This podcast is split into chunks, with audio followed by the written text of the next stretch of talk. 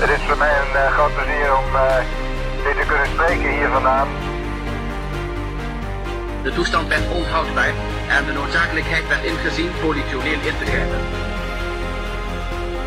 Ik verzoek u te geloven dat het niet anders kon. Hoe donker en moeilijk de tijden ook zijn, te blijven vertrouwen.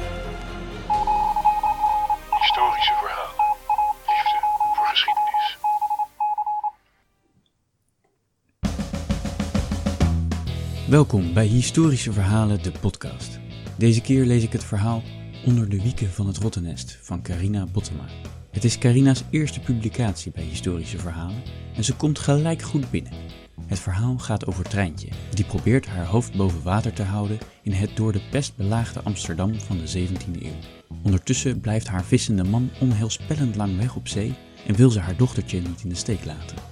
Onder de wieken van het Rottenest is een verhaal over hoop, wanhoop en alles daartussenin. Luister mee.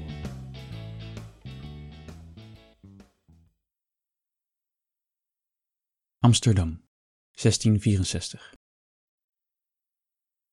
Ik baan me een weg over de kade.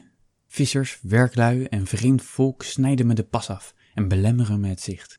Het lukt me niet de bolle voorstevens van de haringbuizen te onderscheiden van de andere schepen.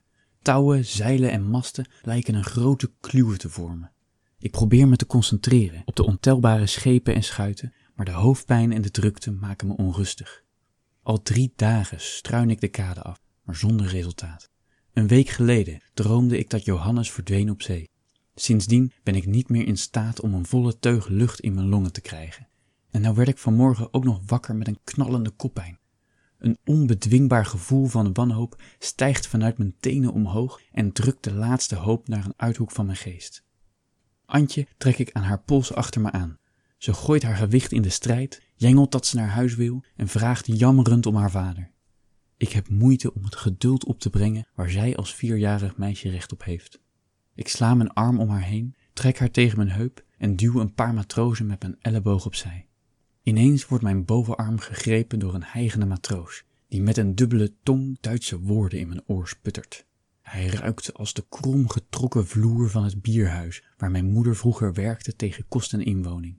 Het brengt me terug naar de tochtige zolderkamer, waar de uitbater me s'nachts bezocht wanneer mijn moeder de gasten beneden bediende. Het is een beeld dat ik snel achter het schimmige luik van mijn herinneringen terugstop. Ik probeer mijn arm los te trekken, maar hoe meer ik trek, hoe dichter de matroos tegen me aankomt staan. De geur van de met bier en spuug doordrenkte planken wordt steeds sterker en doet mijn maag kantelen. Zijn hand glijdt over mijn dij omhoog. Met al mijn kracht duw ik tegen zijn borst, maar hij houdt me in een ijzeren greep. Antje slaakt een gil en klampt me vast. Voordat hij mijn billen kan aanraken, word ik gered door een van zijn schippersmaten, die een arm om zijn nek slaat en hem sussend van me wegtrekt. Ze verdwijnen vrijwel meteen weer in de menigte. Ik zou opluchting moeten voelen, maar de tranen dringen zich op. Het vieze gevoel van vroeger is in één klap terug. Misselijkheid vult mijn maag. En het lijkt alsof hij zijn geur aan me heeft afgeveegd. Zo sterk ruik ik hem nog. Antje begint te huilen. Ik recht mijn rug, slik mijn tranen weg en bedwing de neiging om het ei in te duiken om de vuiligheid van me af te spoelen. Ik zak door mijn knieën om Antje gerust te stellen. Maar nog voordat ik haar kan troosten, schrik ik van een harde stem vlak achter me. Dit betekent het einde van ons welvarende Amsterdam. Een handelsman spreekt met wijdse armgebaren tegen een matroos die zware kisten met linnen naar de schepen zult. Die verdomde stoffen raak ik aan de straatstenen niet meer kwijt. De Britten willen mijn linnen niet meer, omdat ze bang zijn dat de ziekte eraan kleeft. Alle welvaart die de VOC heeft gebracht, neemt de zwarte dood mee het graf in. Hoewel de matroos niet reageert, raast de man verder. Heb je al gehoord wat het bestuur van Piacenza heeft gedaan? Een complete ban uitgeroepen. Op de invoer van koopwaar hier vandaan staat zelfs de doodstraf. Straks zal heel Europa volgen. En wat doet ons stadsbestuur? Nee, niet nog meer paniek. Vluchtig til ik Antje op mijn heup en laat het relaas van de koopman achter me. Niet meer in staat om verder te zoeken naar Johannes, besluit ik de drukke kade te verlaten. Hoe meer grachten ik oversteek, hoe meer hoop er vervliegt. De visserij is barmhartiger dan de VOC, maar toch, de zee neemt zoveel levens. Als we de Leliesluis oversteken, gaat de frisse lucht van het ei over in de geur van de grachten. Antje reikt naar haar neus en knijpt haar neusgaten dicht. Zodra we de bloemgracht oplopen, komt Hendrikje uit haar atelier naar buiten en legt haar hand op mijn bovenarm. Treintje, wat zie je bleek? Is alles wel? Ik sta haar aan met een lege blik. Ze kon papa niet vinden, antwoordt Antje. Ga maar even op de binnenplaats kijken, reageert Hendrikje. Daar is Cornelia aan het spelen. Antje rent het atelier in. De spanning die mij vasthoudt, lijkt haar gelukkig weer los te laten. Hendrikje trekt me mee naar binnen en laat me plaatsnemen op een stoel. Het riet van de zitting prikt door mijn dunne zomerrok heen.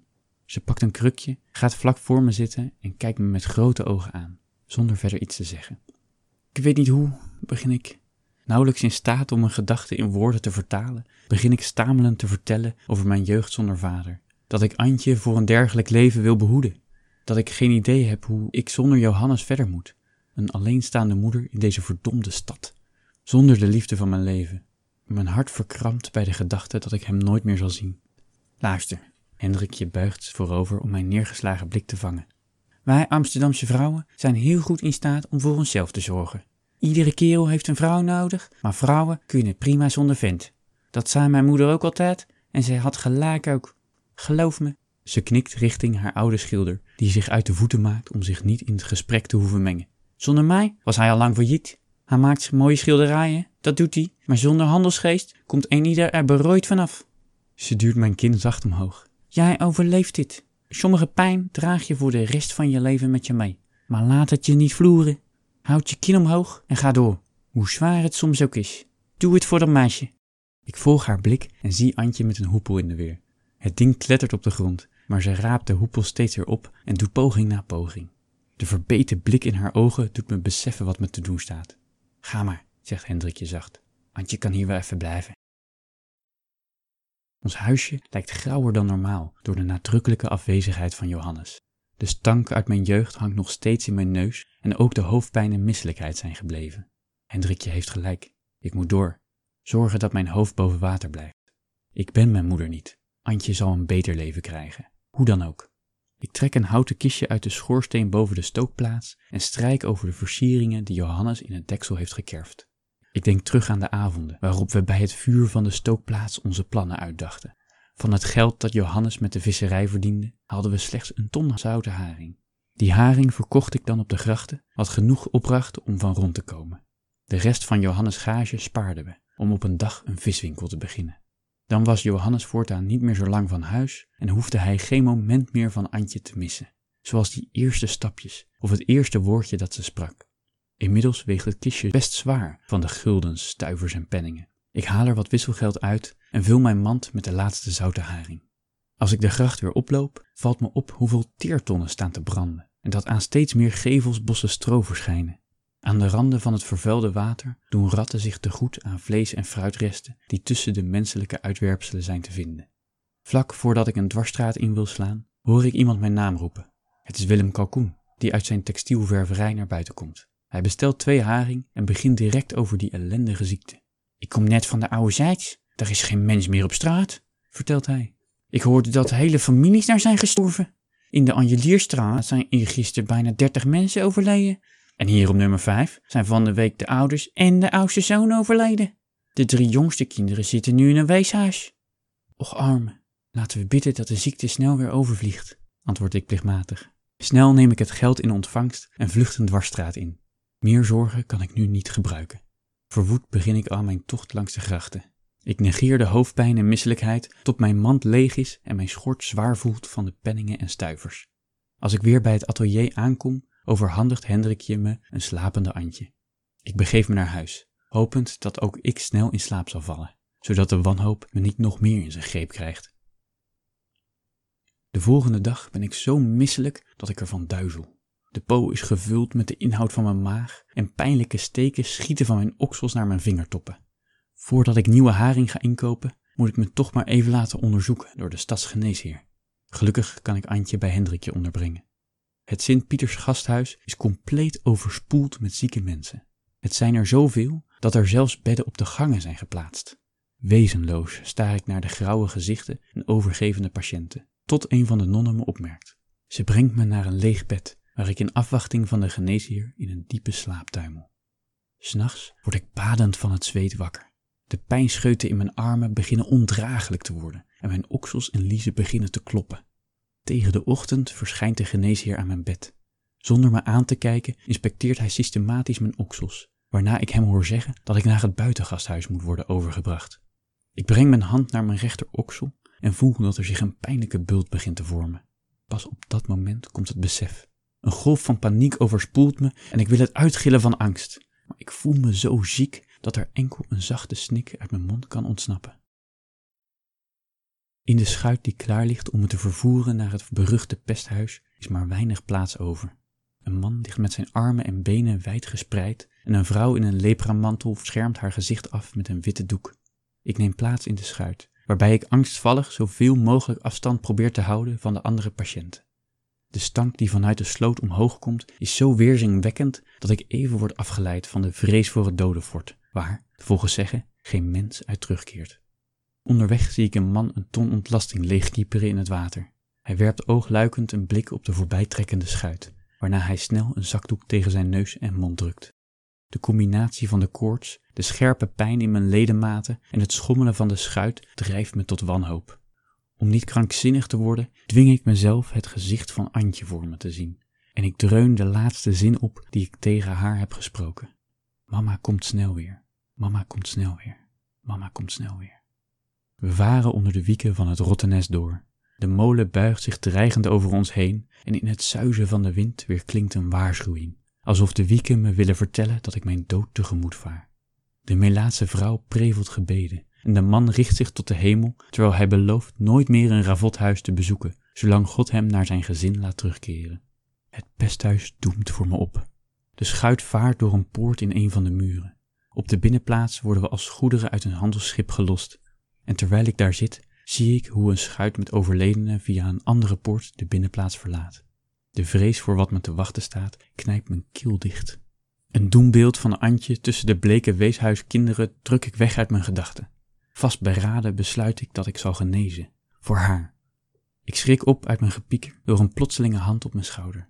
Een man helpt me voorzichtig overeind en leidt me het gebouw in. Wie bent u? Waar brengt u me naartoe? Eerst naar de chirurgijn en daarna krijgt u een bed toegewezen op de vrouwenafdeling. De chirurgijn? Maar ik hoef alleen maar uit te rusten, uit te zieken. De man zwijgt. Is het waar wat ze zeggen? Dat er nooit iemand levend hieruit komt? De man kijkt me kort aan, maar reageert nog steeds niet. Ik heb een dochtertje, weet u. Ze is vier. Haar vader is nog steeds niet teruggekeerd van zee. Ik moet dit overleven. Vertel me alstublieft dat er hoop is. Ik zie dat de man alle ellende beu is, maar zijn ogen stralen desondanks medeleven uit. Voordat hij de deur aan het einde van de gang opent, houdt hij stil. Ze zijn er zeker, antwoordt hij, bijna fluisterend. Niet in grote getallen, maar sommige keren huiswaarts. Het gezondhuis is er niet voor niets. Denk aan uw dochtertje. Houd hoop. Hoop doet leven. Achter de deur bevindt zich een donkere kamer. De chirurgijn draagt een masker in de vorm van een lange snavel, die zijn neus en mond bedekt. Zijn stem klinkt gedempt. Hij gebiedt me om me uit te kleden en te gaan liggen op een grote houten tafel, waarna hij de builen in mijn diezen en oksels bestudeert. Ik schreeuw het uit van de pijn als hij zonder een woord te zeggen een mes in een van de builen zet. Ik wil de kamer uitrennen en een uitweg vinden naar de omringende weilanden, maar de koorts en vermoeidheid hebben mijn lichaam zo verzwakt dat ik niet tot verzet in staat ben. Als de chirurgijn aan de tweede buil begint, kleurt de kamer om me heen zwart. De scherpe geur van azijn trekt me terug in mijn bewustzijn. Het kleine beetje kracht dat ik nog bezat, is nu volledig uit mijn lichaam verdwenen. Op mijn onderarm zie ik een snee en mijn oog valt op een tel bloed op de grond. De azijn waarmee de pestmeester mijn lichaam insmeert, brandt in de wonden. De man die me hier bracht, verschijnt in de deuropening. Omdat ik zelf nauwelijks in staat ben om nog een ledemaat op te tillen, helpt hij me met aankleden. Daarna draagt hij me naar een houten ledikant op de vrouwenafdeling. Ik sluit mijn ogen en dwing mezelf om voor me te zien hoe ik Antje weer in mijn armen sluit. Het idee dat ons meisje moederziel alleen haar jeugd moet doorbrengen, beangstigt me meer dan mijn eigen lijdensweg. Ik heb er alles voor over om haar het leven te geven dat Johannes en ik voor ogen hadden. Een leven waarin ze niet hoeft te ploeteren voor ieder beetje geluk, maar een leven met vooruitzicht. Ook in mijn eentje kan ik haar dat bieden. Ik weet het zeker, als ik deze vervloekte ziekte maar overleef.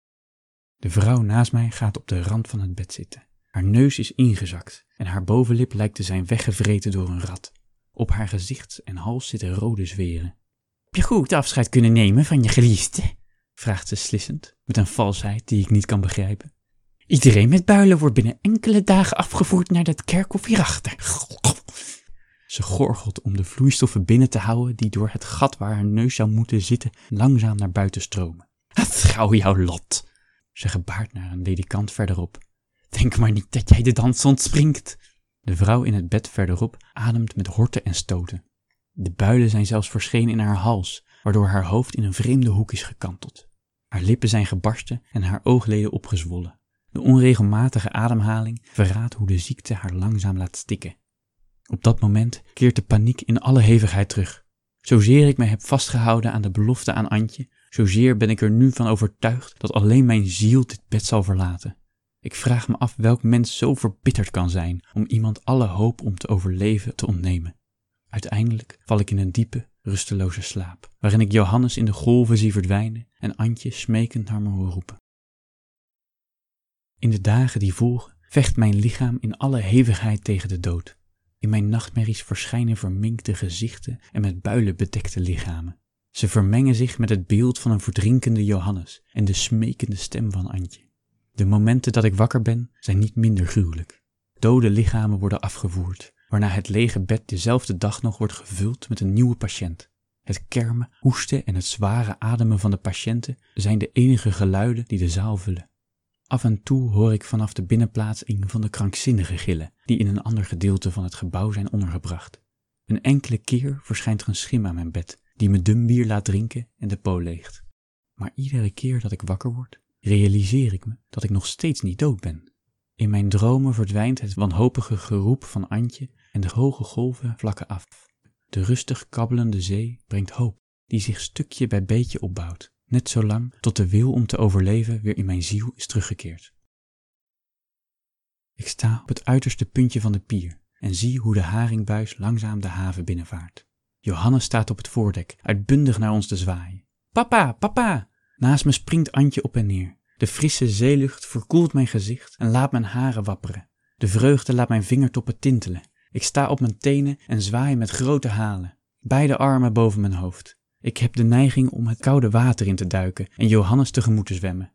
Maar opeens voel ik dat iemand dicht tegen me aankomt te staan. Antje gilt en ik sta weer oog in oog met de matroos. De warmte van zijn adem slaat in mijn gezicht. Dan dringt de stank van de grachten in mijn neus binnen. Met een schok word ik wakker en kijk recht in het gapende gat in het gezicht van mijn buurvrouw. Ze hangt vlak boven me en houdt mijn kin vast, die ze van de ene naar de andere kant beweegt. Kijk eens aan, slist ze, terwijl ze mijn hals inspecteert. Je bent de eerste die ik het heb zien overwinnen. Ik duw haar van me af en ga op de rand van mijn bed zitten. Als ik in mijn oksels en liezen voel, merk ik dat de builen inderdaad zijn verdwenen. Ik keer me om naar dat gemene mens en kijk haar triomfantelijk aan. Tegen de middag word ik naar de kamer van de chirurgijn geroepen. Nadat hij een volledige inspectie heeft gedaan, neemt hij zijn vogelmasker af. Zijn stem klinkt vriendelijk als hij me vertelt dat ik me mag voegen bij de patiënten in het gezondhuis. Na een paar dagen ben ik genoeg aangesterkt om naar huis te mogen. De zware deuren worden geopend en via de latjesbrug begeef ik me richting de weilanden. Ik heb de pas er zo stevig in dat ik af en toe struikel over mijn vermoeide voeten. Ik moet me inhouden om niet te rennen. Als ik de bloemgracht oploop, is zelfs de geur van het water aangenaam. Als ik nog vijf deuren van het atelier verwijderd ben, kan ik me niet meer inhouden en begin Antjes naam te roepen. Met een grote zwaai open ik de deur van het atelier. De oude schilder, die net een groot schilderij ophangt, valt bijna van de kruk waarop hij staat. Treintje! Zijn stem slaat over. Na enkele seconden laat hij zijn adem ontsnappen, samen met een Godzijdank. Waar zijn Hendrikje en Antje? Waar is mijn meisje? Hij slaat zijn ogen neer. De wanhoop die ik voelde tijdens mijn zoektocht op de kade slaat weer toe. Onrust stijgt vanuit mijn borst naar mijn keel en knijpt hem dicht. De schilder stapt van de kruk af. Ach, Treintje, de verschijnselen werden steeds erger nadat je Antje bij me had gebracht om het gasthuis te bezoeken. De vermoeidheid in mijn ledematen is in één klap terug en doet me wankelen op mijn voeten. Ik grijp naar de rugleuning van de dichtstbijzijnde stoel. Begrijp me niet verkeerd, zegt hij snel. Antje is gezond en wel. Ze is met Cornelia aan het spelen op de binnenplaats. Ik ben al bijna bij de achterdeur als ik me met een schok realiseer over wie hij het dan juist had. Ik draai me om, kijk hem aan met tranen in mijn ogen.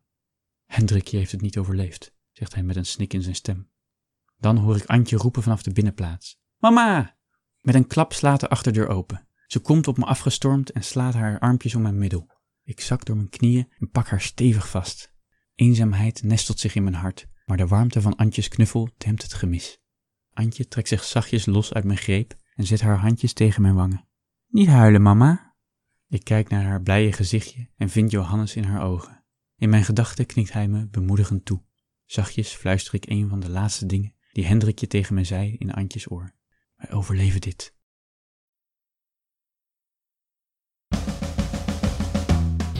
Dit was Onder de wieken van het Rottennest van Carina Bottema.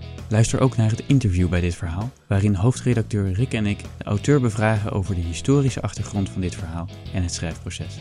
Altijd op de hoogte blijven, sluit jezelf op in quarantaine en laaf je aan de content op onze Facebook, Instagram en Twitter. En abonneer je natuurlijk op deze podcast. Tot de volgende keer.